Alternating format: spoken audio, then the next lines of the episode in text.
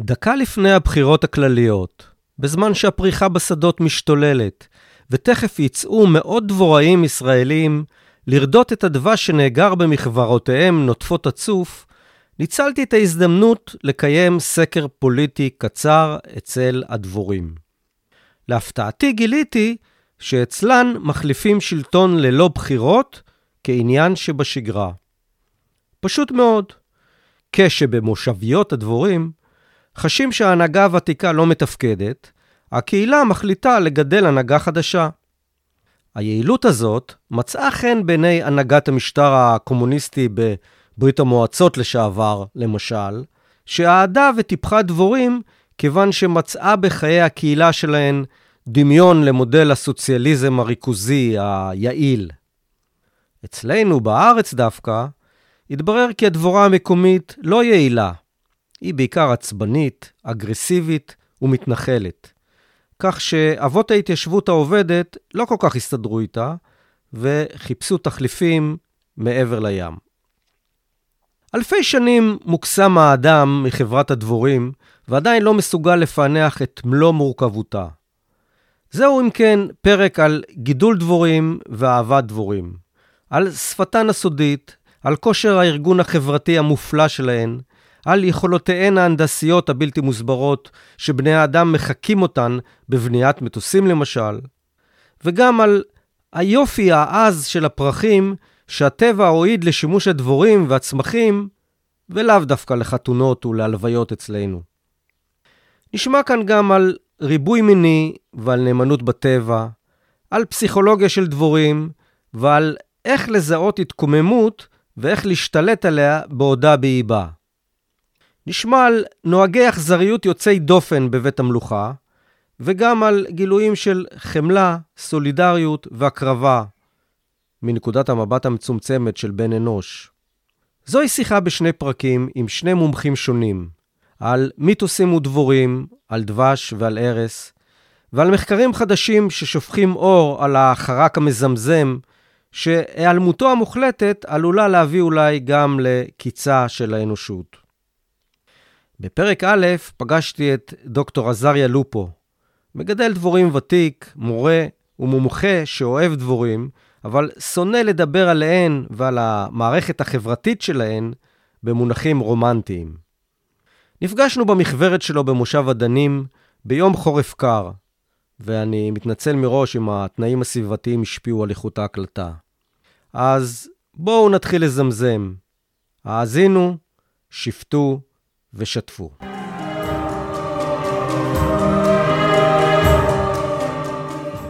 ברוכים הבאים לפודקאסט פרות קדושות, פרות קדושות, פרות קדושות, מיתוסים ישראליים עם יזהר באר. בפרק 38, כך מחליפים שלטון בלי בחירות. חלק א', מודל הסוציאליזם הריכוזי של הדבורים.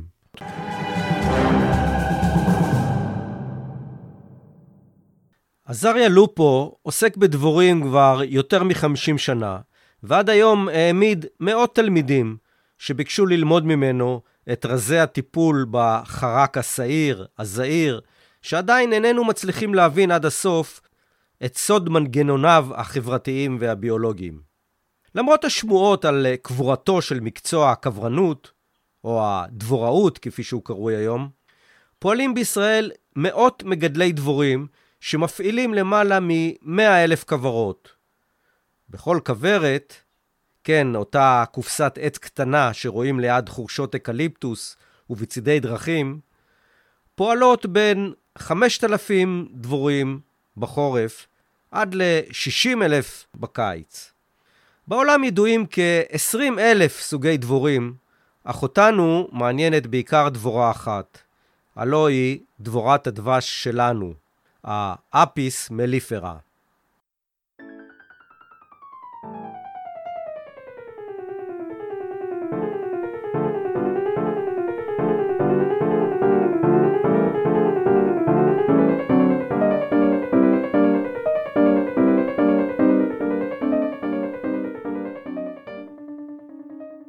דוקטור אה, עזריה לופו, שלום. שלום וברכה. יש יותר אה, אנשים בעולם או דבורים? אם אני אספור דבורים בודדות, אז זה כמעט בטוח שדבורים. אבל צריך להתייחס למושבות, והיחידה אה, בחיים החברתיים של הדבורה זה המושבה. כי במושבה יש מלכה יחידה, וזאת יחידת הריבוי. מלכה לבד לא יכולה להתרבות, הפועלות לבד לא יכולות להתרבות. מה תוחלת החיים של, של דבורת דבש? הפועלת חיה בסדר גודל של כמה שבועות, זה, זה תלוי בעונה, בעונת הקיץ או באביב שהיא עובדת קשה והימים ארוכים אז יש לה הרבה שעות פעילות ביום, היא כל הזמן בפעילות אז החיים שלה מתקצרים, היא פשוט מתבלה מה, מרוב הפעילות. חייה של, הדבור, של הדבורה פועלת מתקצרים בגלל העבודה הקשה? כן, זה פשוט נשחק, זה כמו... ומה מתבטאת העבודה הקשה? שהיא צריכה לעוף לאסוף צוף אה, או אבקת פרחים ולחזור, לעוף ולחזור. שזה קילומטר שניים. זה יכול להיות, זה תלוי, אם יש לה במרחק של 500 מטר או 100 מטר, אז היא תעדיף, כן. אבל uh, לפעמים אין, או שברדיוס הקצר יש תחרות של הרבה דבורים, אז היא מחפשת יותר רחוק, שם פחות צפוף, שזה כמו מכונית, שאם היא נוסעת הרבה אז החלקים נשחקים, כן. ואין לה חלקי חילוף. אצלנו כשהרקמות נשחקות או ניזוקות, אז יש אה, התחדשות. כן, והגוף שלה עשוי מקוטיקולה, שזה חומר נוקשה, ואם הוא נשחק, אין לו, זה, זה חומר מת, כן, כנפיים אה, כבר נעשות אה, מדולדלות מרוב הפעילות, אז אה, היא לא יכולה לחדש את זה. כן. אז לכן בעונת הפעילות החזקה, השלב הבוגר יכול לחיות שלושה שבועות או חודש וחצי מקסימום, ובתקופת החורף היא יכולה לחיות ארבעה חודשים. כן. וזה גם חשוב, כי הפועלות האלה יגשרו על עונת החורף, שהריבוי בה מאוד מצומצם.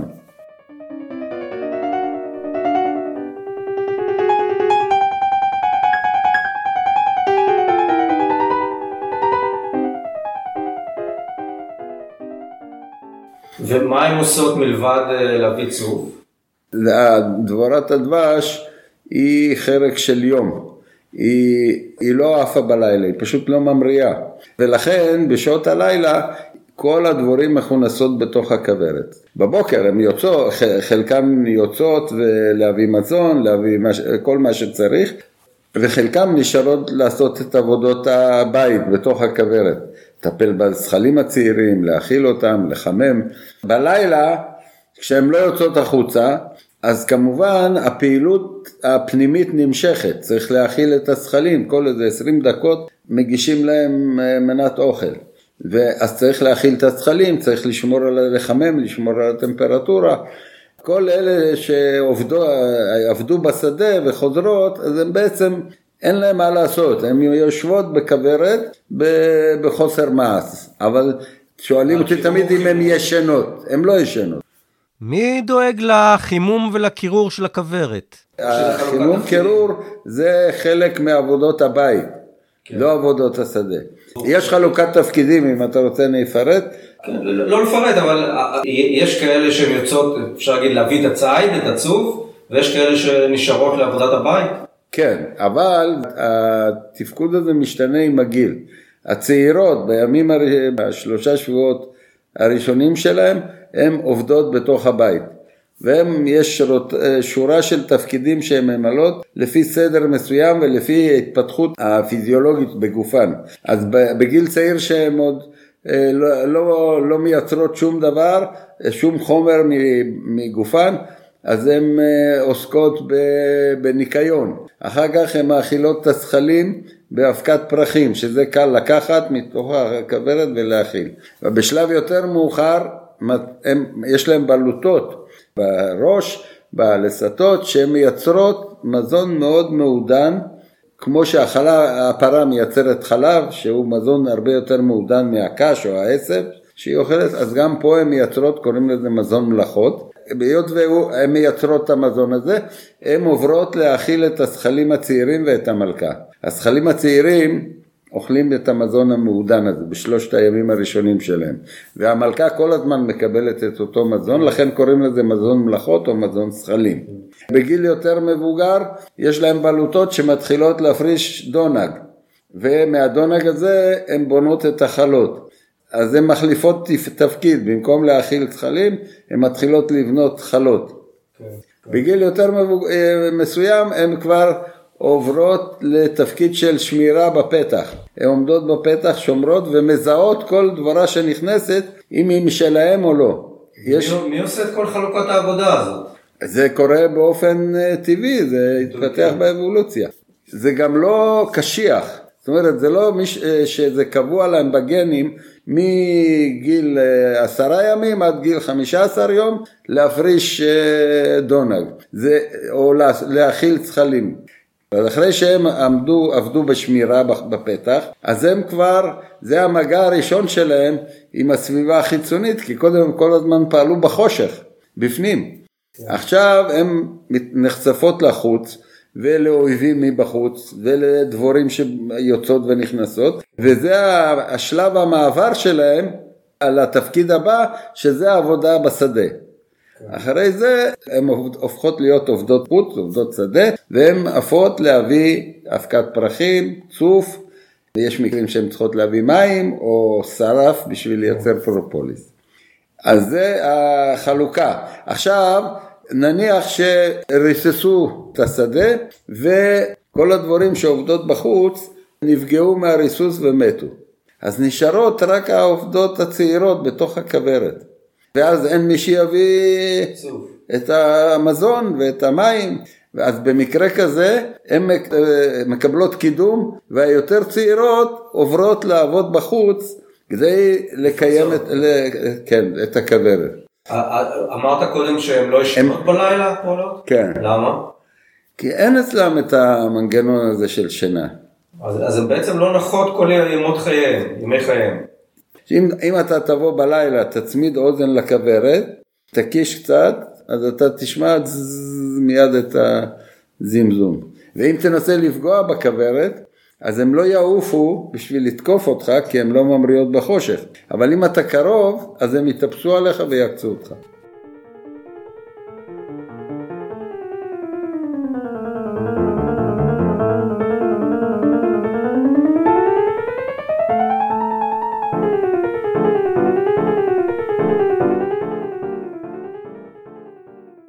בואו נדבר על אה, דבורת הדבש שלנו, האפיס מליפרה. באופן מסורתי בארץ הייתה דבורת דבש סורית, נכון? מתי החליפו אותה בעצם, ולמה? אנחנו מגדלים את דבורת הדבש המערבית, אפיס מליפרה, כמו שאתה אמרת. תיארו את התת מינים או הזנים הללו ונתנו להם שמות. אז המין, התת מין שהתפתח בתימן, קראו לו אפיס מליפרה ימניקה. יש מין שהתפתח ב... בערי הקווקז, שתנאים הם שונים לחלוטין, כן. אז קראו לו אפיס מליפרה קווקזיקה. עכשיו, ויש אפיס מליפרה סיריאקה. כן. עכשיו, כשבאו החקלאים אה, הראשונים, החלוצים, התחילו, רצו לגדל דבורים בארץ, אז באופן טבעי הם לקחו את האפיס מליפרה סיריאקה, גם ערבים מן הסתם גידלו אותה לפני, התחילו לעבוד איתה, ו... נואשו מהר מאוד. למה? המין, התת מין הזה זו דבורה מאוד אגרסיבית, רגזנית, שזה קשה מאוד לעבוד איתה, כי כל, היא, היא מיד מתעצבנות ועוקצות וקשה לעבוד. אה, ותכונה שלילית נוספת שהן מרבות להתנחל, כלומר להוציא נחילים, וזה טוב מבחינה ביולוגית, זה שני הדברים הם יתרון. כי זה שהיא מתנחלת, אז היא מרבה מושבות שלה, אז מבחינת, בטבע יש לה יותר סיכויים לשרוד, כי היא מעמידה הרבה מושבות. מבחינה חקלאית זה חיסרון גדול, מפני שאם היא מתנחלת, אז, מפס... אז מפסידים את יבול הדבש, את רוב יבול הדבש. אז רצו דבורה נוחה, שנוחה לעבודה, שהיא לא עוקצנית, ורצו דבורה שלא מרבה להתנחל. ואז אה, הגיעו למסקנה שכדאי לאמץ את הדבורה שיש באיטליה, סימפטית. שקוראים לה אפיס מליפרה ליגוסטיקה, כפי שאמרתי, והיא גם שקטה. וגם לא מתנחלת כל כך הרבה, ויש לה עוד שורה של תכונות חשובות. אז אמרו, בואו נחליף. אז הביאו מלאכות של דבורה איטלקית לארץ, הם נקלטו, זה תהליך לא כך פשוט היה, אבל... וכל פעם הביאו מלאכות חדשות, כי הזכרים היו מקומיים. אז עשו החלאת דחיקה. כל פעם המלאכות, האימהות היו איטלקיות, הזכרים האבות היו סורים, מקומיים. כן, אבל כשכל פעם חידשו וחידשו, כן. אז לאט לאט הגנים האיטלקיים, בדיוק, הם, הם נהיו הרוב, כן, הם. השתלטו. והיום יש לנו דברים מאוד נוחות לעבודה, אז... ושקטות. אתה... כן, אז אולי היה צריך לקרוא לה אפיס מליפרה סימפטיקה. זה הרעיון, אבל עכשיו, יכול להיות, יש טוען, עד היום טוענים שהדבורה הסורית יותר יכולה לגבור על אויבים טבעיים, יש פה צירה מזרחית שטורפת דבורים, אז אומרים הדבורה הסורית יותר עמידה בפניהם, ובפני כל מיני אה, תנאים קשים. אבל כשאנחנו הבאנו את הדבורה האיטלקית, אז אנחנו, ונוח לנו לעבוד איתה והיא פרודוקטיבית, אז אנחנו עוד תומכים בה. מגנים עליה בפני מזיקים ומחלות וכאלה דברים. אז יכול להיות שהדבורה הסורית הארץ ישראלית הזאת היא תואמת את המזג הישראלי-פלסטיני, כן? של להיות... אה, אני לא רוצה, לא רוצה להיכנס לפוליטיקה, אבל כעובדה הדבורה הזאת היא אפשר להגיד מיליטריסטית, כן. ובתנאים של המזרח התיכון כנראה שלהיות מיליטריסט זה יתרון. תגיד, מה היה לפני אלף שנה? הרי יש אה, ממצאים שגידלו דבורים, אפילו הפרעונים במצרים, נכון? כן, זה 3,500 שנה. דבורים אז כי גידלו, יש לנו מושג? תראה, גידלו דבורי דבש והפיקו דבש. זה ברור כי אנחנו רואים את זה בציורי, כן, בציורים של קברי האצילים, איך הם ממש רודים את הדבש. שיטות אה, באופן עקרוני דומות לשלנו? אה, שיטות יותר פרימיטיביות כמובן. גם הידע לא היה, לפחות התיאורטי, לא היה מעמיק, אבל הם ידעו, היה להם ניסיון איך לשים. איך... אני כשהייתי במצרים, אז ב... יצא לי לראות במקום מסוים מין חווה של גידול דבורים, מעין חצר אה, מרובעת, שהקירות שלה בנויים מגלילי חרס.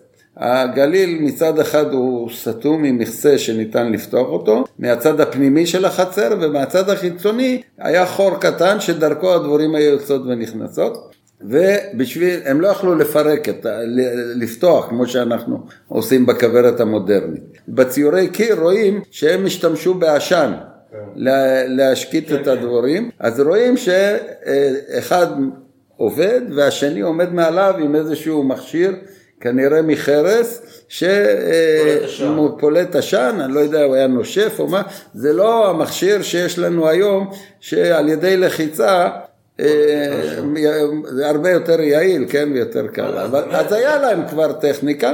זאת אומרת, אנחנו יודעים שהעשן מרגיע את הדבורים. הוא לא מרגיע אותם.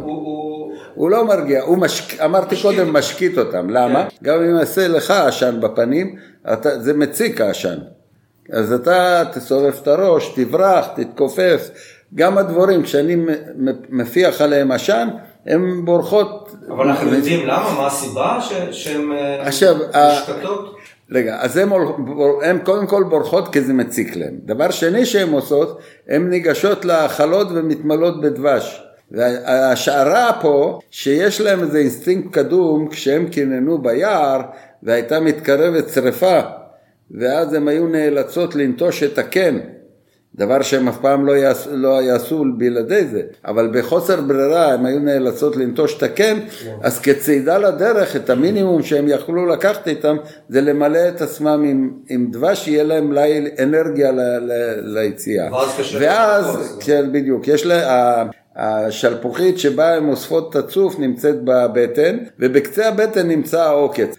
אה, אם הבטן אה, נפוחה, אז קשה לה להתכופף בשביל נכון. לעקוץ. אבל מה שמופלא בעיניי זה שעם כל המחקר, עם כל הניסיון, עם כל אלפי, אלפי השנים של גידול דבורים, עדיין לא מבינים עד הסוף מה באמת אה, עשן למשל עושה לדבורים. כשאני עובד, בכבר, מטפל בכוורת, אותי הם לא עוקצות, התלמידים עוקצים תמיד אומרים לי, אי אפשר לעבוד, כי צריך, לה, לה, לה, איך אומרים, לה, להבין את, את הפסיכולוגיה שלהם, פסיכולוגיה במרכאות, ולתת את העשן במיקום הנכון ובעיתוי הנכון. כשאני רואה שהדבורים מתחילות להתאסף לי למעלה, על המסגרות, מתחילות לצאת ולהתכווץ למעלה, זה בשבילי סימן שהן פה מארגנות איזה הפיכה, איזה, איזה משהו. כן, אז אני, כשאני רק רואה את התחלת ההתארגנות, נותן להם קצת עשן. אז הן מתרחקות פנימה, וכשאתה במצוקה, אז זה מוציא לך את החשק לארגן התקפות, ו... אז הן בורחות, ו... וזהו. אז יש עוד דבר. שהעשן, יש לו ריח חריף, והוא יכול לחסום את חוש הריח של הפועלות. כן. חוש הריח, אברי חוש הריח נמצאים על המחוש. המבנה הדבורה הוא מאוד שונה, אי אפשר להשוות למבנה של היונקים שלנו. אין לה אף, אין לה ריאות, אז היא מריחה דרך המחוש. עכשיו, אם העשן חוסם את קליטת ריחות, כי הוא מאוד חריף, אז זה עוצר את התקשורת בין הדבורים. לדבורים יש אמצעים שונים של תקשורת למטרות שונות. כן. רוב אה, שיטות התקשורת הם באמצעות ריחות. אם אנחנו בינינו, בני אדם מתקשרים בעיקר בצורה ווקאלית. אנחנו מדברים, אנחנו צועקים, תיזהר. אה, אם יש אה, מצב חירום, אז משמיעים אה, אזעקה, צבע אדום, אומרים צבע אדום, אבל מה שמשפיע זה הצפירה שאנחנו כן. קולטים באוזן. אצל הדבורים השמיעה לא מפותחת, ומה שהאמצעי שהם העדיפו להשתמש זה הריח, חוש הריח, הריחות. היות והם גם חיות במקום סגור, אז יש, זה מאוד אפקטיבי. כן, כן אם הן מפרישות, כן. המלכה מפרישה ריח מסוים, זה נקרא פרומון. אה, כל הריחות תקשורת האלה, קוראים להם פרומונים, היא מפרישה ריח מסוים, זה מתפשט בתוך הכוורת, כל הדבורים יודעות שיש מלכה. אם אני מוציא את המלכה, כן. תוך שעתיים או שעות מעטות, כולם יודעות שאין מלכה, למה? כי הריח שלה נעלם. כן. אז אותו הדבר כשיש מצב חירום, או כשתוקפים, אז הדבורים, במיוחד אלה ששומרות בפתח, הן מפרישות פרומון אזעקה. אם נגיד אתה מתנכל לכוורת בפתח ויתקפו אותך שתיים שלוש דבורים, תתמודד עם זה, אבל אם, אה, אם כשיש תקשורת והן מזעיקות את החבורה מבפנים ומתנפלות עליך שלושים או יותר דבורים, אתה תברח. לא רק אתה, גם אני מדבר על אויבים טבעיים כמו דוב או גיריד וכולי.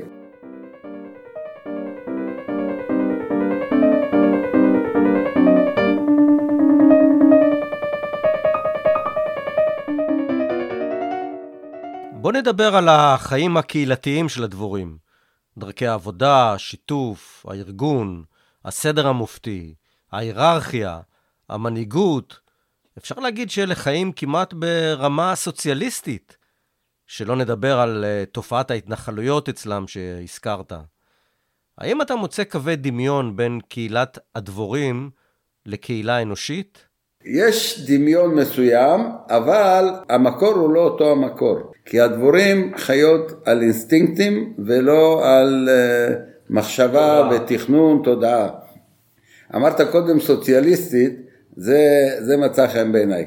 בזמנו המשטר הסוציאליסטי בברית המועצות העריך מאוד את גידול הדבורים ואהבו את התחום הזה וגם uh, קידמו אותו. עשו הרבה מחקרים. עשו דמיון. הם, זה בדיוק, זה אה, שימש להם מין מודל למשטר שלהם. הכל משותף, יש הנהגה ריכוזית, וכולם מרוצים, ו- ויש, אה, ויש תועלת, יש יעילות בייצור, כן, אה, אני עוד זוכר כילד שגדלתי בבולגריה בתקופה של השלטון הקומוניסטי, אני זוכר, היו, הם תלו מין פוסטרים כאלה בשדה, שאיך טרקטור גדול עובר והורס את כל הגדרות בין החלקות הקטנות של החקלאים, שזה היה החקלאות המסורתית, ואותם חקלאים רצים ובורחים בפחד גדול, ועכשיו הטרקטור הופך את כל החלקות לגוש גוש אחד גדול, עם מודרניות, עם אמצעים לייצור, וזה מה שאחר כך קראו קולחוז, אז הם ראו איזשהו דמיון, איזושהי תמונת ראי כאילו, ולכן הם אה, העריכו את התחום הזה של הדבורים. ויש בזה אבל... או שזה מיתוס? עכשיו תראה, מבחינת יעילות יש יעילות, אבל, מבחינ... אבל לא הייתי ממליץ שנחכה בחברה האנושית את חיי הדבורים, כי אנחנו מדברים על דמוקרטיה, זכויות הפרט, כל הדברים האלה לא קיימים ב... בקהילת הדבורים. כל, ה... כל הפועלות הן נקבות שלא ניתנת להם ההזדמנות לייצר צאצאים. ולחיי אהבה גם. בוודאי ובוודאי. היחידה שמטילה בתוך הכוורת אה, ומשאירה את הגנים שלה לדור הבא זאת המלכה. כן. והיא עוברת את התהליך של האהבה במרכאות, כן? הייתי אומר שחיים שהם יותר מכניים, הם, הם טבועים בגנים, הם באים בצורה של תורשה, הם נוקשים כאלה, הכללים האלה. בכל זאת רואים אה, מערכת ארגון אה, יוצאת דופן. בוודאי, בגלל זה המערכת הזאת שרדה, כי היו לה הרבה יתרונות, כן? כן? אמרתי קודם, היא יעילה. אבל אם אתה חושב על הדבורה הבודדת שעובדת כל שעות היום ו- והיא שוחקת את עצמה למוות תוך כמה שבועות והיא לא משאירה צאצאים, אז איפה פה זכויות הפרט, איפה כל, ה- כל האידיאלים אה, של החברה האנושית? אתה לא יכול להעתיק את זה אחד לאחד. כן, אבל בסופו של יום היא מלקקת דבש. מה זה מלגגת? שהיא אוכלת שתהיה לה אנרגיה בשביל לעוף להביא עוד, או לייצר אנרגיה בשביל לחמם את, ה, את הקן. הנה אנחנו נמצאים בעונת החורף, בחוץ טמפרטורה, אה, אה, הטמפרטורה עכשיו נגיד אה, בחוץ היא 15 מעלות, בפנים באזור של ה... בבית הילדים שלהם, איפה שכל הזכלים מתפתחים, 35 מעלות קבוע. איך זה? הן מחממות, הן יודעות לווסת בחורף. אם אתה, אני לא, משתדל לא לפתוח כוורות ביום כזה, אבל אם אני אפתח ואני אשים יד, אני מרגיש את החום.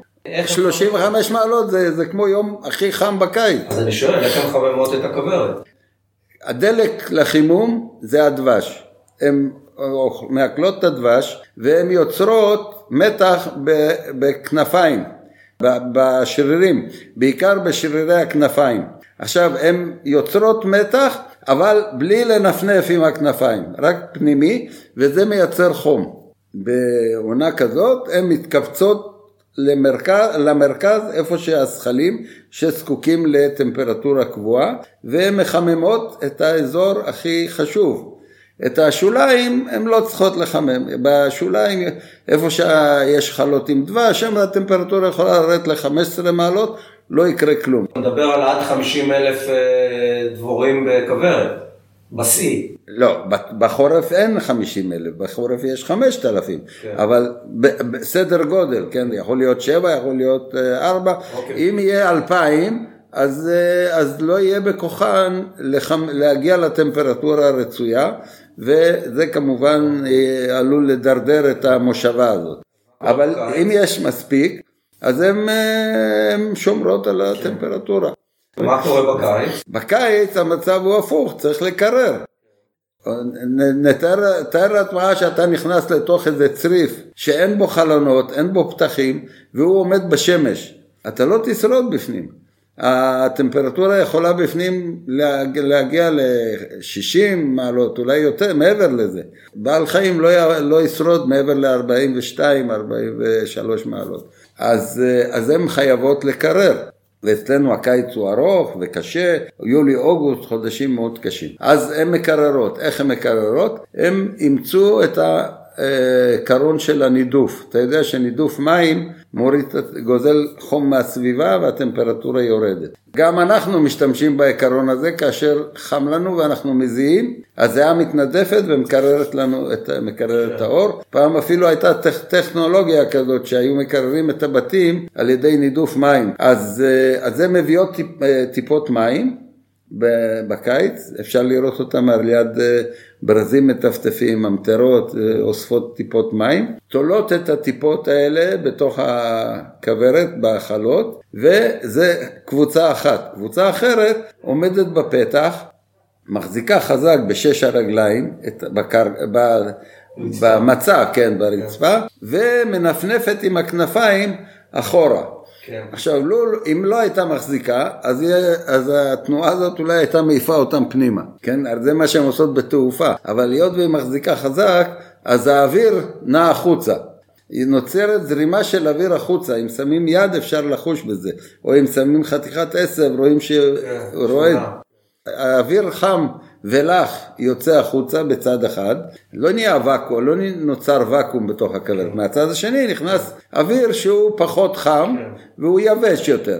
אז, אז יש בעצם מין צירקולציה של האוויר בתוך הכוורת, כשהאוויר הזה עובר על יד הטיפות הוא מנדף את המים והאוויר הלך יוצא, והנידוף הזה מוריד את הטמפרטורה. ברגע שהטמפרטורה ירדה ל-35 או חצי מעלה פחות מזה, למטה מזה, אז הן מצמצמות את הבאת המים, מצמצמות את הנפנוף, וככה הן שומרות על רמה קבועה של טמפרטורה. עכשיו, יש דבורות דבש שהן יחידאיות? יש דבורים יחידאיות, אבל לא קוראים לה, אי אפשר לקרוא להן דבורות דבש, מפני שהן אוספות קצת צוף ואבקה, אבל לצרכים שלהם זה בכמויות קטנות, אי אפשר להפיק את זה, אנחנו, אין, אין היגיון לנסות לגדול אותם בשביל להפיק דבש. אני זוכר שפעם השווית אותם להבדל בין מושבניק לקיבוצניק.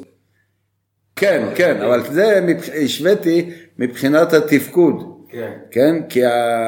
וזה יתרון, עוד אחד מהיתרונות של החיים החברתיים. בחיים החברתיים, הסברנו קודם, הסברתי קודם, יש חלוקת תפקידים. כן. חלק שומרות, חלק מביאות מזון, כן. חלק אה, מטפלות בזחלים.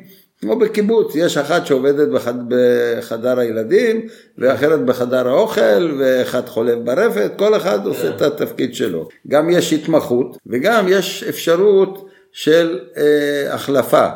אם רפתן יצא למילואים או חלה, אז יש תמיד עוד כמה רפתנים על ידו שיחליפו אותו. המושבניק עושה הכל לבד. גם חורש, גם זורע, גם קוצר, גם חולה. כן, הוא גם הולך לקצור את הירק, גם חולב את הפרות, אחרי זה הוא מאכיל את העופות. פעם זה היה, היום זה כבר לא ככה. ואם הוא חולה, אין מי שיחליף אותו. מי יעשה את זה? אז בגלל זה פעם, בתנועת המושבים הייתה אידיאולוגיה של עזרה הדדית. אם אחד חולה, השכן שלו כן. י... אז זה מה שקורה אצל דבורת הדבש. אז בדיוק, אז שהיות וזה חיים חברתיים, זה קיבוץ גדול, יש הרבה רפתנים והרבה לולנים והרבה שומרים, יותר קל לשרוד במקרה של תקלה.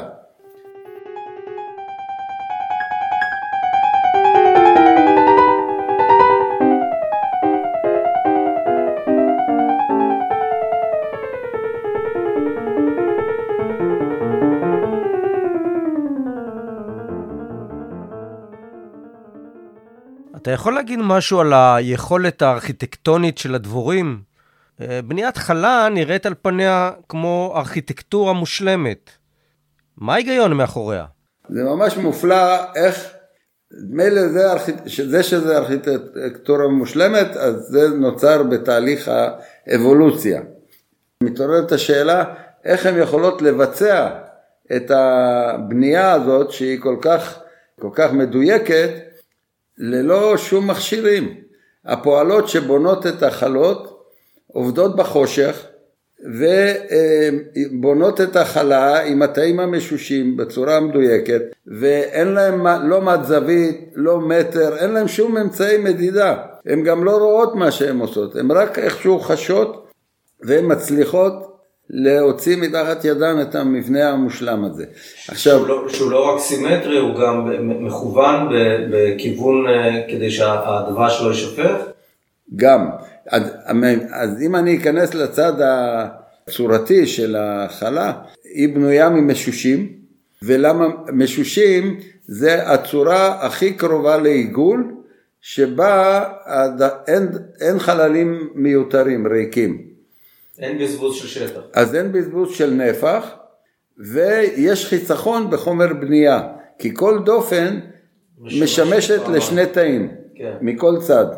אז זה שני הדברים חשובים, בזבוז של נפח זה חבל כי זה, אה, הם צריכות, אמרתי שהן צריכות לחמם את הנפח המסוים, אז אם הם יחממו נפח סתם זה חבל. החיסכון בחומר בנייה הוא גם מאוד חשוב, כי הדונג שהן מייצרות בגופן הוא חומר מאוד יקר להם מבחינה אנרגטית. קילו דונג שווה ערך לעשרה או יותר, 11 אה, קילו דבש. זאת אומרת, הן צריכות להשקיע המון אנרגיה בלייצר את הדונג. ובכל זאת, הן מייצרות את החלות שלהן מדונג, ופה השאלה היא, למה? הרי יש עוד אה, חרקים אחרים ממשפחת הדבורניים, גם צרעות עושות את זה, ושבונות גם כן משושים, אבל לא מחומר שהן מפרישות מגופן, הן משתמשות בבוץ או בחומר, בסיבים שהם מגרדים מהצמחים, אז ההסבר הוא שאצל הצרעות המזון שהן מביאות זה טרף, הן טורפות זכלים, כל מיני חרקים ומביאות ושמות בתוך התא. דבורת הדבש, החומר העיקרי שהיא אוגרת זה דבש, ודבש, אה, אם הייתה אוגרת אותו בתאים מבוץ, הוא היה נספג בתוך הבוץ. בזבוז. וכן, זה לא יעיל.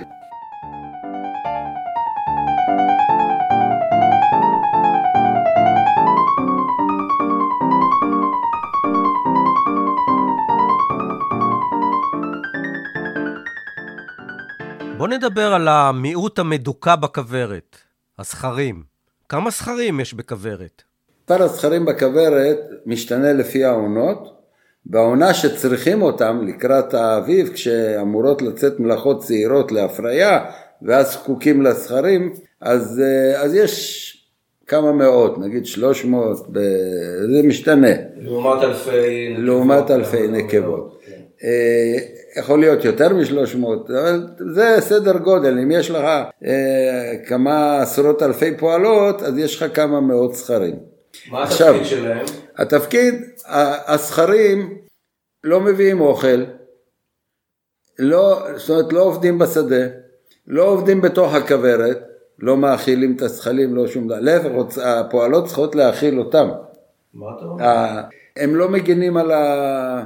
כן, בתפקידי שמירה, אין להם עוקץ. העוקץ התפתח ממערכת ההטלה. אז השאלה מה הם כן עושים.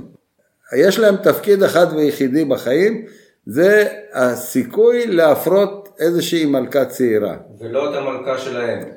בוודאי שלא. המלכה שלהם, היא הופרטה כשהיא הייתה צעירה, והיא קיבלה מלאי של תאי זרע לכל החיים שלה. יש לה קופסית קטנה בגוף, נקראת ספרמטקה, שמה מתרכזים, אה, כשהיא צעירה והיא עפה למעוף כלולות, היא עושה את זה מספר פעמים, מזדווגת עם איזשהו זכר, ותאי הזרע נאגרים בתוך הספרמטקה, וזה משמש, הם נשארים שם חיים בפנים, פעילים, והם נש... אה, ומשמשים אותה כל החיים. היא יכולה לחיות ארבע שנים, אולי יותר, וכל פעם שהיא מטילה ביצה, היא משחררת זרעון מהספרמטקה והביצה מופרית. בתוך, אתה פותח את הכוורת, אתה רואה המון זכרים בפנים, וכבר לפני 300 שנה או מתי כבר שמו לב שיש הרבה זכרים ויוצאות מלאכות צעירות, אז היו משוכנעים שאיך שהמלאכות אה, מגיחות, הזכרים בפנים יפרו אותם, בשביל מה יש שם כל כך הרבה זכרים. ככה חשבו, עד שבא חוקר אה, בסביבות ה-1800, הוא חקר את הנושא הזה, והוא הגיע למסקנה שהזכרים אף פעם לא מפרים את, את המלאכות הצעירות שיוצאות כן. בכוורת, כי הן החיות שלו. כן. והטבע רוצה שלא יהיו נישואי קרובים. אז לכן יש להם אינסטינקט, האינסטינקט של דבורי הדבש זה שההפריה תעשה תמיד בזמן תעופה בגובה רב ולרוב זה גם רחוק מהכוורת. על ידי זרים בעצם. עכשיו, זרים. זה במקום, בגובה של כ-20 מטר, הסיכויים שזכר מהאח שלה, כשהיא עפה בגובה הזה, הסיכויים שהאח שלה יפגוש אותה, הם שווים לסיכויים של המון המון זכרים מכוורות אחרות. ואם היא גם נוטה להתרחק מהכוורת, כן, אז יש סיכויים טובים שהמלכה שיצאה מאצלי למעוף כלולות תופרה על ידי זכרים של כוורת במוש... של... במושב השכן. זה, זה נכון שהזכר אחרי שהוא מפרה את המלכה הוא מת? כן. המלכה הצעירה שיוצאת מהכוורת היא עפה ומחפשת מקום שיש בו ריכוז של זכרים. הזכרים שיוצאים מכל המכוורות נוהגים להתרכז באיזשהו מקום, באיזשהו אתר, לרוב זה יוצא על יד איזה אה, סימן היכר, אם זה מבנה בולט בשטח או איזה עץ יוצא דופן, והם מחכים, כמו חבר'ה צעירים יושבים בבית קפה, שותים בירה, מחכים שתעבור איזושהי חתיכה, ואז כולם עטים אחריה לנסות להפרות. אז, אז המלכה כשהיא יוצאת היא מחפשת את המקומות האלה. מי שיש לו את העיניים הכי טובות ואת היכולת תעופה הכי טובה, הוא משיג ראשון והוא מפרה אותה באוויר. בזמן ההפריה, בהתחלה שניהם עפים ביח... מנפנפים ביחד בכנפיים, בשלב מסוים, והוא מחדיר את ה... הוא תופס אותה, הוא מחדיר את עבר המין שלו. תוך כדי מעוף. תוך כדי תעופה, בגובה רב, ובאיזשהו שלב פתאום רואים שכנפיים שלו מפסיקות לנפנף, כי הוא מת. זה, ברגע שעבר המין שלו יוצא, זה אומרים, זה, זה מעין פיצוץ כזה, כי הוא נשלף מתוך הבטן, רוב חלל הבטן שלו מלא בעבר המין. ברגע שעבר המין נשלף... הוא קורע, קורע את הקרביים שלו בעצם. אז uh, הוא מת. העבר המין נשאר תקוע בגוף של המלכה, והזכר נופל מת. אפשר, אפשר להגיד שבעצם כל ייעודו של הזכר הוא להפרות אה, מלכה, ורוב הסיכויים שלו שבימי חייו הוא לא יפרה אף מלכה. נכון מאוד. ואלה בני המזל שיצליחו לשכב עם המלכה. אה, לעוף עם המלכה. הם מתים בעצם עם חיוך, כי הם הגשימו בדיוק, אני תמיד נוהג לומר שהוא נפל מת אבל מאושר. כי הוא זכה, הוא זכה להעביר את הגנים שלו, הוא מת, אבל הגנים שלו כבר נטועים בתוך המלכה הזאת והם אה, יעמידו צאצאים. פרופיל מאוד מאוד עלוב של הזכרים. זה מבחינה אנתרופולוגית, כן, כן, מנקודת ראות של בני אדם. בגלל זה אמרתי ש... שלא לא מתאים לעשות השלכות אה, מעשיות בין דבורים לבני אדם. אחוז מאוד נמוך מהזכרים זוכים ל, ל, להפרות. כל השאר מתים מתוסכלים. למה הכוורת מייצרת כל כך הרבה זכרים? שאם רק אה, שלושה, חמישה אחוז מהזכרים זוכים כן. להפרות, למה לייצר כל כך הרבה זכרים? זה המון אנרגיה. שהסיכוי יתקיים. כי, כי באבולוציה יש שתי תכונות חשובות, הכרחיות. אחת זה הישרדות, לשרוד פיזית את התנאים של הסביבה, והשנייה זה ריבוי, רבייה, ריבוי. יש תחרות על הריבוי. כן. אז אם ה... אה, כשהמושבה היא לא חושבת, היא פועלת אינסטינקטיבית על פי מה שהאבולוציה הכתיבה לה, או ניתבה אותה. המושבה רוצה במרכאות להתרב... לייצר עוד מושבות, להתרבות בשביל שהמין יישאר, ישרוד בטבע. ויש הרבה מקרים של תמותה בגלל כל מיני סיבות. אז הן חייבות להתרבות ולהוריש, ויש צור... יש את הדחף להוריש את הגנים הלאה. עכשיו, כשה...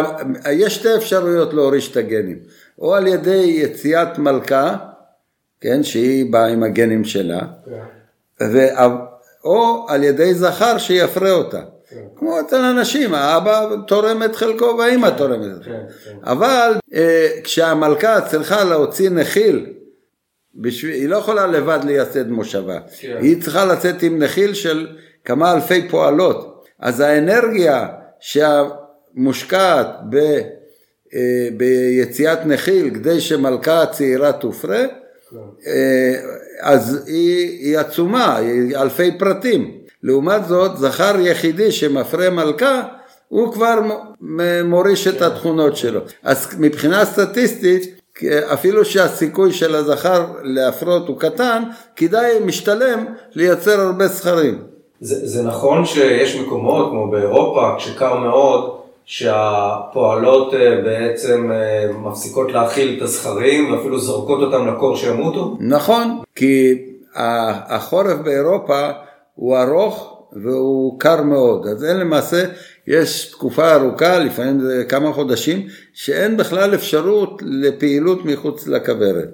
אז בוודאי לא תהיינה, אה, לא תצאנה מלאכות צעירות להפריה.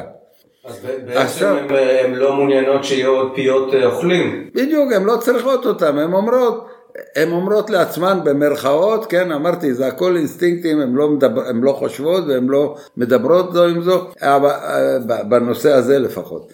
אז, אז ההיגיון הוא שממילא בשלושה חודשים הקרובים לא תהיינה מלאכות ב, ב, זמינות להפריה ואין סיכויים שהזכרים האלה יורישו את התכונות של המושבה כן, אז בשביל מה צריך אותם? להאכיל אותם, אז הן מגרשות אותם החוצה והם מתים בקור. והזכרים לא חשבו להקים אה, ארגון מיטו? להגן על הזכויות שלהם? אז זהו שאמרתי שהכל פועל על אינסטינקטים ולא על מחשבה, אז כן. הזכרים לא יכולים לחשוב ולהקים ארגון. בוא נדבר קצת על מעמד המלכה.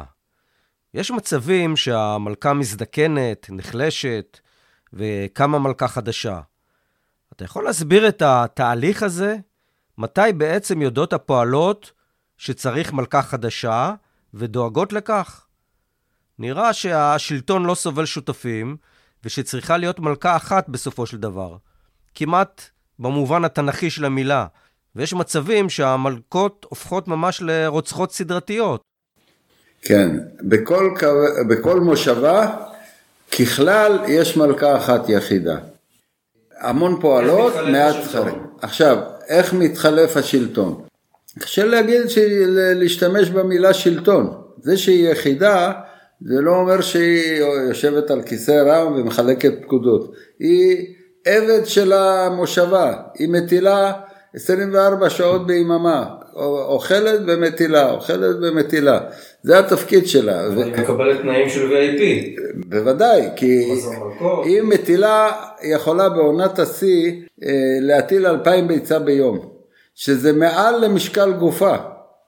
איך זה יכול להיות? אז אתה מבין, זה מין מכונה. מכונה במרכאות שכל הזמן מזינים אותה במזון הכי עדין והכי אה, עשיר, עשיר בשביל שהיא תייצר את הביצים. עכשיו, יש מצבים שאפשר להגיד אה, אי שביעות רצון בקהילה מהתפקוד של המלכה, ואז מחליפים את השלטון בלי בחירות? נכון. אז המלכה כל הזמן מטילה, מקבלת מזון, ו... והיא מפרישה פרומונים שמגבשים את, ה... את הפעילות בתוך הכוורת, אבל יש מצב ש... שהיא הזדקנה, וקצב ההטלה שלה כבר לא, לא מספק, או שנגמרו לה תאי הזרע אם היא לא הופרטה טוב במעופי הכלולות, או שאולי היא נפגמה פיזית, הפועלות מרגישות בזה. אם היא לא עונה על הציפיות, הן מרגישות והן מחליטות לעשות הפיכה. הפיכה שלטונית. אז הן אה, אה, בונות את אה, גביעים והמלכה בעצמה מטילה בהם ומתפתחים מלכונים ויוצאות כמה מלאכות צעירות. יוצאת מלכה צעירה שתופסת את המקום של המלכה הזקנה. אז, אז זה ממש אפשר להגיד גנבת זרע, שממנה תיוולד מלכה שתחליף אותה. זה לא גנבת זרע, זה רציחת ההורים כאילו. כן. היא לא גונבת ממנה זרע, היא הבת שלה. כן. הפועלות, הפועלות גונבות את הזרע שלה כדי... לא, את הביצה שלה. את הביצה שלה כדי לגדל מחליפה. בדיוק, נכון.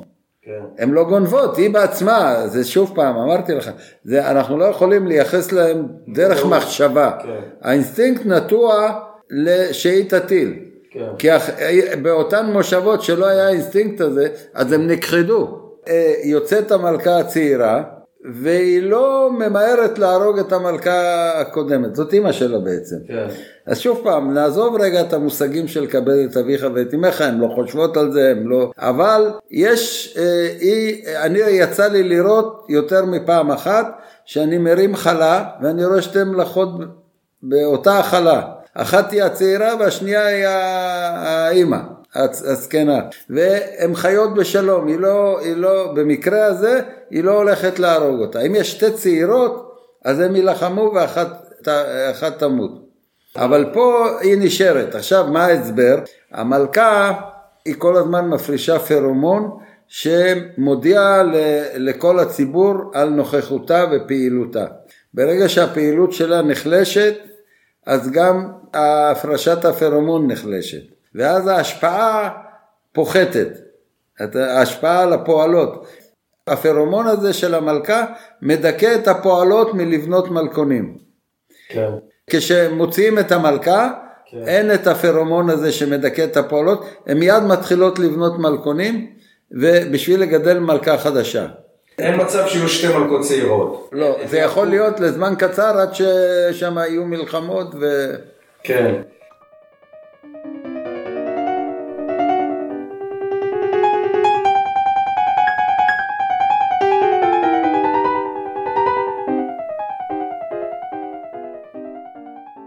אחת היכולות של הדבורים היא השפה הבין-דבורית, שמתבטאת על ידי ריקוד השמיניות המפורסם. האם אתה יכול לומר אם אנחנו מבינים לגמרי את השפה הזו?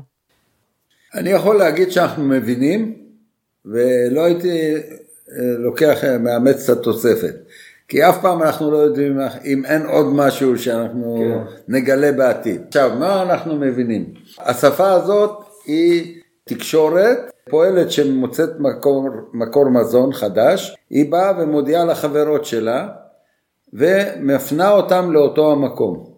היכולת הזאת יש לה חשיבות עצומה מבחינה כלכלית, אה, מבחינת יעילות האיסוף המזון. תאר לעצמך שאותן דבורים יחידאיות, כל אחת צריכה להסתובב בשטח, הנושא של מקורות המזון הוא, הוא דינמי, הוא משתנה כל הזמן עם העונות, כן, נניח עכשיו התחילו לפרוח הסביונים והחמציצים ובעוד שבועיים שלושה אה, יפסיקו לפרוח, אבל אז יתחיל לפרוח החרדל, או איזה, המקורות מתחלפים והמיקום שלהם בשטח משתנה. אז הן צריכות כל הזמן להתעדכן איפה מתחילה פריחה ולנצל אותה מהר לפני שהיא תיגמר ולמצוא מקורות חדשים. עכשיו אם זו דבורה יחידאית היא צריכה לסרוק את כל השטח ולחפש ולגלות את מקור המזון. והיא משקיעה בזה הרבה אנרגיה. אם יש אלף כאלה דבורים אז האנרגיה היא כפול אלף. ויש בזה בזבוז. דבורת, בדבורי הדבש פועלת אחת שגילתה היא חוזרת והיא מודיעה לחברות שלה והן עפות לשם לפי התדרוך חוזרות עם המזון מדריכות את האחרות ותוך זמן קצר אותו העץ שעכשיו התחיל לפרוח כן. כבר מלא בדבורים והן יכולות לנצל את זה. לפני שחרקים אחרים רק גילו ו... אז מה העקרונות של עכשיו, השיטה פה היא לא שיטה של ריחות כמו שקודם דיברתי. השיטה היא שיטה של תנועה או מגע. מי שגילה את זה זה אה, חוקר אוסטרי בשם קרל פון פריש שכל חייו עסק במחקר בדבורים, העמיד המון תלמידים שעזרו לו בעבודה והוא זכה בפרס נובל על ההישג הזה.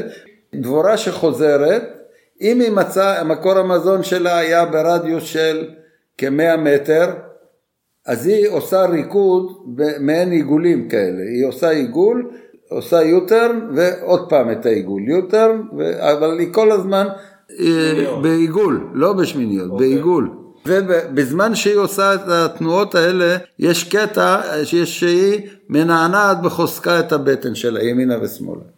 הפועלות בתוך הכוורת חשות בזה ומתחילות לעקוב אחריה ועם המחושים, הם לא, חושך בפנים, לא רואים, אבל עם המחושים הן נוגעות ועוקבות אחרי המסלול שלה והן מבינות, המסר שהן מקבלות שיש פה בסביבה הקרובה מקור מזון. הריקוד מתבצע מחוץ לכוורת. בתוך, בתוך על, החלות. איפה יש שם מקום ל... על החלה.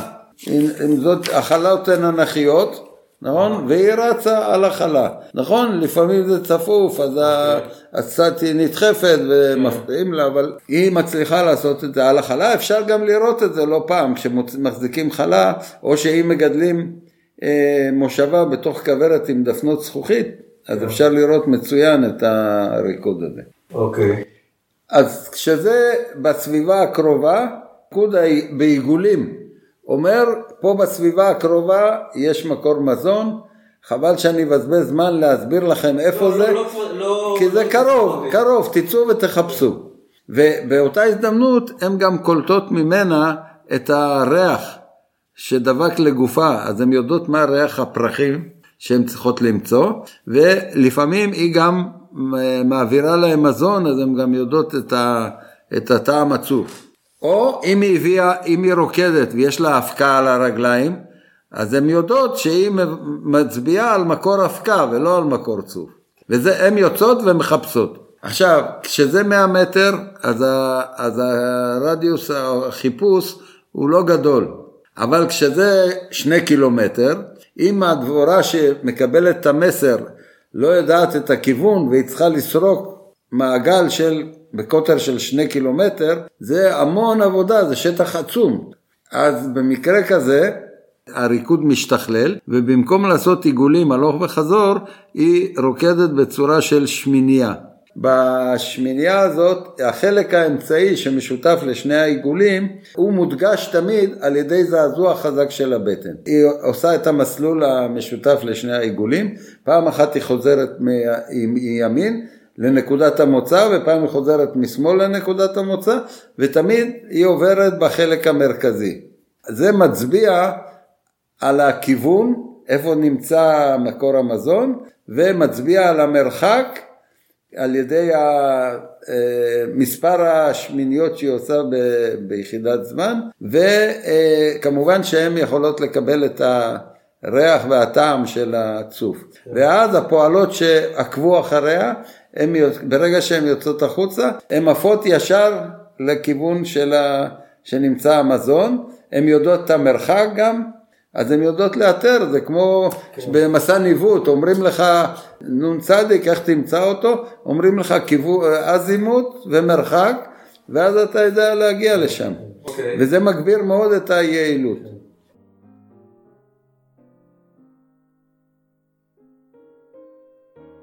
מהו יופי? רבים ניסו להגדיר יופי מהו.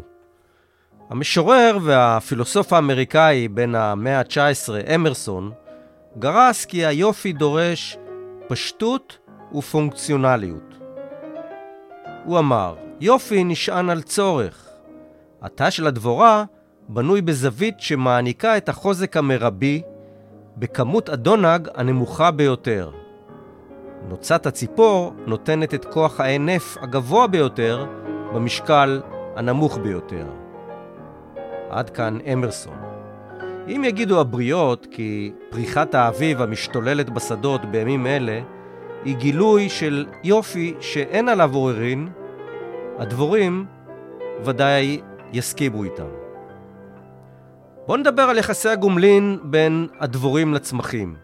איך נוצרת האינטראקציה המופלאה הזאת, ההתאמה בין צמחי השדה והעצים שזקוקים לדבורים והדבורים שמחפשות את הצוף? מה שיטות המשיכה של עולם הצומח לדבורים? תיאוריה לפחות אומרת שהדבורים התפתחו מצרעות.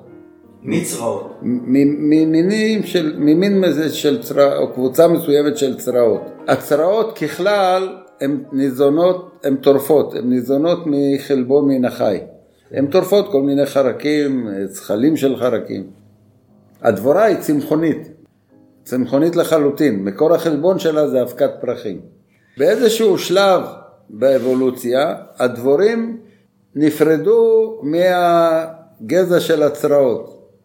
וכאן התחיל תהליך ממש מדהים של קו-אבולוציה, זאת אומרת אבולוציה משולבת. ככל שהדבורים התפתחו וחיפשו יותר אבקת פרחים או צוף, הפרחים התפתחו יותר ל, ל, לשיתוף פעולה עם הדבורים. למה התפתחה קו-אבולוציה? בשביל שתתפתח אבולוציה משותפת, צריך שיהיה אינטרס לשני הצדדים. היות והצמחים באותה תקופה שהתחילו להתפתח הדבורים, אה, התחילו להתפתח הצמחים שהיו זקוקים להאבקה, הצמחים בעלי הפרחים. למה הצמחים פיתחו פרחים? או עד היום אנחנו רואים פרחים, אה, יש פרחי הקלות שמביאים לחתונות, פעם הביאו, ו... וכל מיני פרחים ששמים בבית. צבעים, אז... ריח. כן, אז אנשים, יש אנשים שמאמינים בתום לב שהצמחים עושים את זה להנאתנו, שיהיה לנו יפה בבית, או ש... כן, או מביאים ב... בלוויות. ככל שהתפתחו צמחי הצמחים בעלי הפרחים, הם היו זקוקים להאבקה זרה, אז במקביל התפתחו החרקים שניזונו מאבקה וצוף. וזה הלך והשתכלל והשתכלל עד שהגענו למצב שיש היום הרבה מאוד פרחים שמותאמים לסוג מסוים של דבורה, או חרק אה, שמותאם לסוג מסוים של פרח. דוגמה הכי בולטת, אה, מצאו בג'ונגלים איזשהו אה, פרח, סחלב נדמה לי, שיש לו צינור עם צוף שאורכו כ-16 סנטימטר. אמרו, איזה חרק יכול להגיע לעומק כזה בשביל למצוא את הצוף? אבל אם הפרח פיתח את המבנה הזה, זאת אומרת האבולוציה פיתחה פרחים עם כזה מבנה, חייב להיות כזה מין חרק, אבל אף אחד לא ראה אותו. הרבה חקרו וחיפשו וזה. בעידן המודרני שמו מצלמות והצליחו לתפוס את החרק, לגלות את החרק הזה על חם כשהוא בא, ומכניס, יש לו חדק באורך דומה, באורך של הצינור הזה. וראו, זה פרפר, איזה רפרף, שיש לו, זה מדהים, תאר לעצמך שיש לו חדק באורך של 16 סנטימטר, זה ככה. אז הוא בא, שולף, החדק הזה מקופל, הוא שולף אותו, מכניס אותו לתוך הצינור, מוצץ את הצוף ויוצא. אז זה דוגמה קיצ... של קיצונ... קיצונית של התאמה, אבל יש... אז, אז בעצם כל האסתטיקה של הפריחה היא פונקציונלית בעיקרה. בוודאי, בוודאי. עכשיו, אנחנו, בהתחלה צמחים היו מואבקים על ידי הרוח. או על ידי מים. עכשיו, כשהצמח מואבק על ידי רוח, גרגירי אבקה עפים, מתפזרים, אחוז מזערי מהם נופל על הפרחים הנקביים. הרוב נופל על הקרקע, על העלים, שזה לא תורם שום דבר. זאת אומרת, יש פה בזבוז גדול מבחינה אנרגטית. כשהתחילו להתפתח, התחילה להתפתח האבקה על ידי חרקים, העסק הזה נעשה הרבה יותר יעיל. החרק שבא לפרח, הוא אה, נדבקים עליו גרגירי אבקה, והוא עף לפרח אחר מאותו המין, ומעביר את האבקה. האבקה עוברת מכתובת לכתובת, כמו דבר שמחלק מכתבים. כן. ולא שמטוס מפזר כרוזים ומכסה כן. את כל הארץ. ברוב המקרים זה הדבורה, אז זה יכול להיות גם עטלפים וגם אה, אה, אפילו יונקים, יש אה, מכרסמים שמאביקים. אז בשביל שהמאביק יהיה לו, תהיה לו סיבה לבוא לפרח, כי הפרח מעוניין בשביל שיעבירו את האבקה, אבל צריך אין ארוחות חינם, צריך לתת משהו שתהיה סיבה לחרק להגיע. אז, אז בהתחלה הם היו באים ואוכלים אבקה, כי כל פרח מפריש אבקה, ויש עד היום חיפושיות שאוכלות אבקה מהפרחים. לפעמים עושות נזק, אבל אז שלא יאכלו להם את האבקה, שזה יהיה יותר אטרקטיבי, התחילו פרחים לייצר צוף. יש להם בלוטות שמייצרות צוף. ככל שייצרו יותר צוף, באו יותר חרקים והאביקו אותם יותר. אז אלה שהרבו לייצר צוף, התרבו, היה להם יתרון בטבע. ברור. אה, אז ככה אה, נוצרו צמחים שמייצרים יותר ויותר צוף.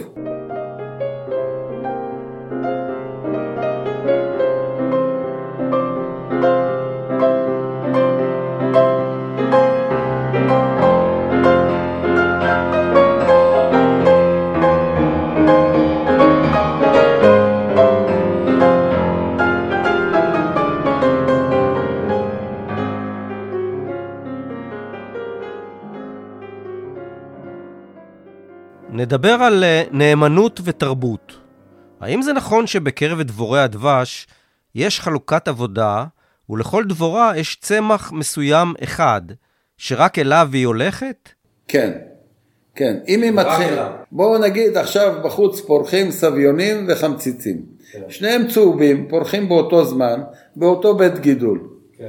דבורה שיוצאת מהכוורת ומבקרת בסביון, היא תעוף הלאה לפרח הבא, בדרך היא תראה, אה, יש חמציץ, היא לא תנחת עליו, היא תדלג לסביון הבא.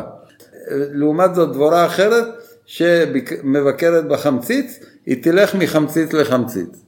קוראים לזה נאמנות. נאמנות או התמקצעות? המונח שאנחנו משתמשים זה נאמנות לסוג הפרח. עכשיו, למה עושים, למה זה קורה? זה מאוד חשוב לצמחים, כי אם היא תעבור מסביון לחמציץ, האבקה לא, לא תועיל בכלום, היא רק תתבזבז, כן? ולהפך. אבל... גם, גם פה יש עניין פונקציונלי. כן. תראה, לא, לא תיווצר קואבולוציה אם אין אינטרס מצד שני הצדדים ואם זה לא פונקציונלי. מה החשיבות של, של ההאבקה? זאת אומרת, אה, החקלאות או העולם או מזון יכול להיות בלי, אם ייעלמו הדבורים? קודם כל החשיבות של ההאבקה היא גדולה והיא עומדת בפני עצמה בלי קשר לאדם ולחקלאות. צמחים אה, וגם בעלי חיים יש צורך או יתרון שיהיה, שיהיו חילופי גנים ולכן נוצר המנגנון של ריבוי מיני והוא מאוד נפוץ מבני אדם ועד צמחים ועד אה, תולעים ובעלי חיים ירודים אפילו. בחיידקים ובשמרים יש מנגנונים של חילוף חומר גנטי. למה זה חשוב שיהיה חילוף חומר גנטי? כן, שבאה האימא ובא האבא והאימא כל אחד תורם את חלקו הגנטי לילד, אז הילדים, ארבעה ילדים יש לי, מאותו אבא ואותו אימא, אבל הם שונים אחד מהשני, כי כל אחד קיבל חצי, אבל חצי אחר. כן. אז נוצרת וריאביליות בתכונות. פה החשיבות של הריבוי המיני. ליצור וריאביליות באוכלוסייה. ההיגיון אומר הפוך, שיישאר בסלקציה, בברירה הטבעית, הפרט שיש לו את התכונות הכי מתאימות, הוא יתרבה וכולם יהיו בדיוק כמוהו. נכון? זה יהיה הכי יעיל. אבל מה שקורה במציאות, שתנאים משתנים. יש כמה שנים גשומות ואחר כך באה שנת בצורת. או עכשיו אומרים על התחממות כדור הארץ. כן? אז יש אה, בעלי חיים או צמחים שמותאמים לתנאים של היום, אידיאלי, הכי טוב, מותאמים, אבל תמיד יש בשוליים כמה יוצאי דופן, אה, סובלים מהחום יותר מאשר הרוב, אה, או עמידים לחום יותר מאשר הרוב. כן. אלה שעמידים לחום יותר מהשאר, אם תהיה התחממות של כדור הארץ, פתאום הם, הם יהיו המוצלחים מהשאר והם יתרבו לכן חשוב שתהיה וריאביליות באוכלוסייה. אוכלוסייה עם וריאביליות יש לה סיכויי שרידות יותר אה, טובים. מה מרגיז את הדבורים ולמה הן נעלמות? מאז שנות ה-70 במקומות רבים בעולם, כוורות מתרוקנות והדבורים שאכלסו אותן נעלמות. עד היום לא נפתרה חידה מה גורם להיעלמותן, אך כל החוקרים מסכימים כי ללא דבורים, העולם האנושי יתקשה לשרוד, כשמיני צמחים רבים התלויים בדבורים להאבקתם, יפסיקו לתת פרי. האם יש אה, ממש באזהרה של איינשטיין, שאם הדבורים ייעלמו מן העולם, האנושות לא תוכל לשרוד יותר מארבע שנים? הוא היה פיזיקאי, למה לא להגיד נבואות בתחום הביולוגיה מה עוד שאי אפשר לדעת אה, להתנבא בדברים האלה. אני אתייחס לגופו של עניין, אז לא, לא נערבב פה את איינשטיין. קטונתי להתמודד איתו. ההאבקה היא מאוד חשובה. עד כדי כך שיש הרבה צמחים שאם לא תהיה האבקה זרה, לא, יהיה, לא יהיו זרעים, לא יהיו פירות וזרעים בכלל.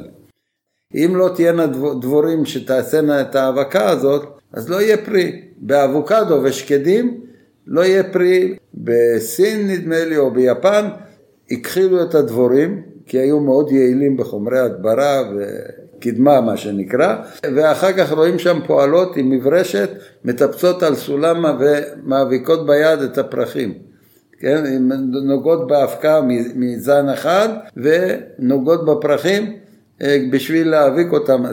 זה עבודה שלא תאומן, כן, לעשות מה שדבורה עושה בשעה, אז פועלת תעשה בכמה ימים. פועלת אנושית? כן. דוקטור עזריה לופו מאמין כי הסיבה העיקרית להיעלמות הדבורים היא טפיל זעיר הקרוי ורוע. אפשר להגיד שהוורוע זה האיום הגדול שכיום על קיום הדבורים? אפשר להגיד. המזיק הראשון במעלה כשאני מלמד אני, זה הוורוע. אם אנחנו לא נטפל נגד הוורוע, הדבורית מתחסלת. אי אפשר להיות צלחנים לגביה. עכשיו, מה שאני חושב, שבארצות הברית, נכון שהם מתקדמים ועושים מחקרים ואנחנו הרבה, לומדים מהם הרבה דברים, אבל יכול להיות שהם לא טיפלו כמו שצריך נגד הוורוע. השילוב של ורוע ווירוסים הוא שגרם לתופעה הזאת. אתה, ניגש אל הדבורים, אה, ראיתי בחשוף. הפנים חשופות, כן. כן. איך הן לא עוקצות אותך? צריך לתת להם סיבה לעקוץ. צריך לדעת איך, איך ל- לעבוד איתם, תמיד שואלים אותי, הן מכירות אותך? הן לא מכירות אותי, אבל אני מכיר אותן ואת ה- האינסטינקטים שלהם, את התגובות הצפויות, אם אני עובד, אתה עובד כמו שצריך, אז הן לא תוקפות אותך. זה דבר אחד. דבר שני, לא פחות חשוב, זה המטען הגנטי של הדבורים האלה. אם הם דבורים סוריות, שהן רגזניות מאוד, כן, עוד, אה, יש אה, זנים של דבורים אפריקניות שהן מאוד אה, רגזניות, אז עם כל הידע שלך וההבנה אתה לא תוכל להתמודד בפנים חשופות. עכשיו לי יש את שני הדברים, גם הדבורים שלי שקטות מבחינה תורשתית וגם אני עובד איתם בדרכי נועם, מה שאומרים. אוקיי, אז, אז אני... אז על זה רציתי לדבר, מה, מה הפסיכולוגיה של הגישה אל הדבורים שלך? אה, מה צריך? אה, להיות שקט, להיות באורך רוח, להיות אה, סבלני? כן. צריך קודם כל להשתמש בעשן. עשן מאוד אפקטיבי. כקוריוז, הרבה פעמים תלמידים שבאים עובדים איתי והם רואים שאני עובד חופשי, הן לא מתנפלות עליי, אז הם אומרים לי, בסוף, הוא אומר, בשביל מה אתה מתעסק עם העשן? הדבורים כל כך שקטות. אז אם אני לא אשתמש בעשן, אני לא תהיה נשקט. אז צריך להשתמש בעשן ולתת אותו במינון המתאים במקום הנכון. אז זה מאוד אפקטיבי. לפני שתתחיל להיות קוממות, צריך לתת, תתן בזמן את העשן, אז זה מונע. אחרי שכבר הן מתנפלות וזה, אז אתה גם תיתן עשן, זה, קשה, זה כבר לא כך אפקטיבי, כי הן מתפזרות באוויר. דבר שני, לעבוד בעדינות, לעשות תנועות איטיות.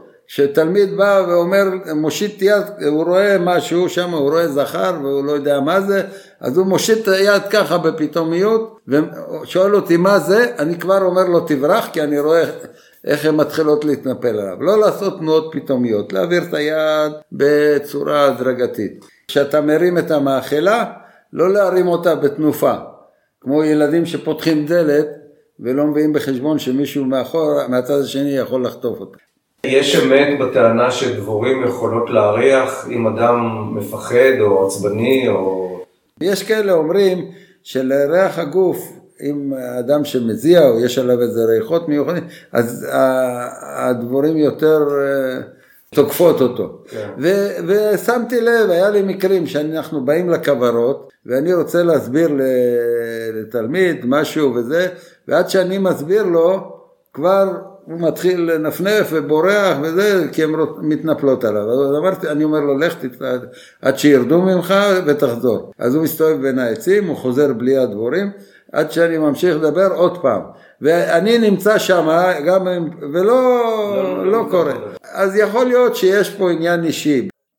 יש לך עמדה לגבי האיכויות הבריאותיות של מוצרי הכוורת? תראה, דבר אחד בטוח, זה הנושא האהוב עליך, מיתוסים. יש המון מיתוסים מסביב לדבורה ולמוצרים שלה. יש לי אפילו ניסיון עם מישהי שהייתה חולה ב...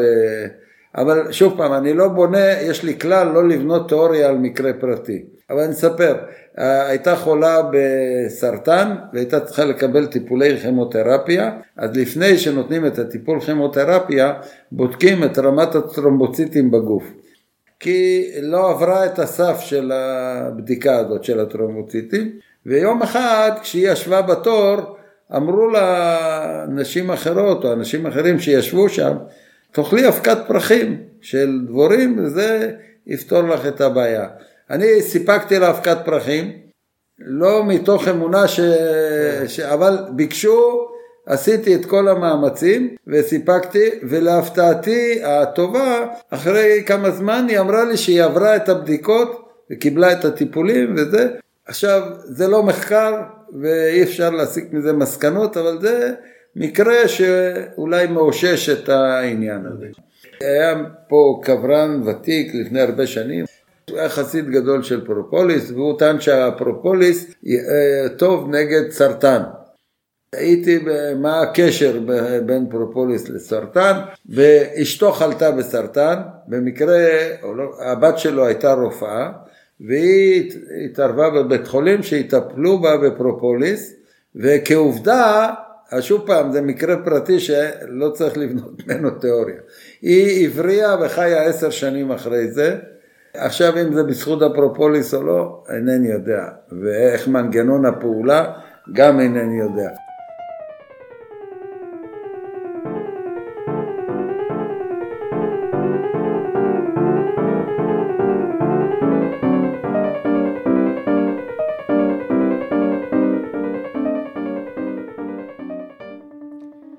בחלק זה, פרק א' של איך מחליפים שלטון בלי בחירות, בכוורת, שוחחנו עם דוקטור עזריה לופו, מומחה, מורה ומגדל דבורים, על עולמם המופלא של החרקים המזמזמים הקטנים שהאנושות זקוקה להם על מנת להתקיים.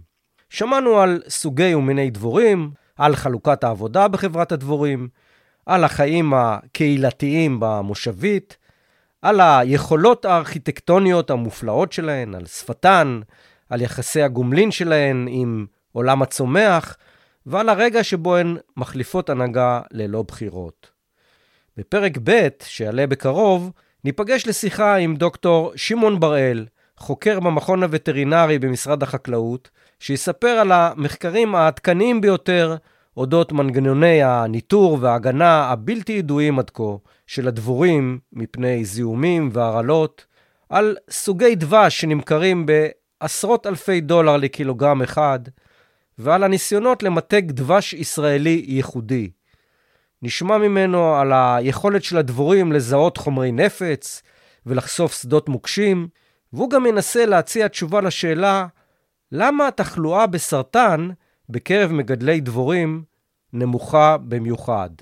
בינתיים אתם מוזמנים להאזין או לקרוא, לשתף בפייסבוק וברשתות החברתיות, להעיר, לכתוב וללייק. להתראות בקרוב.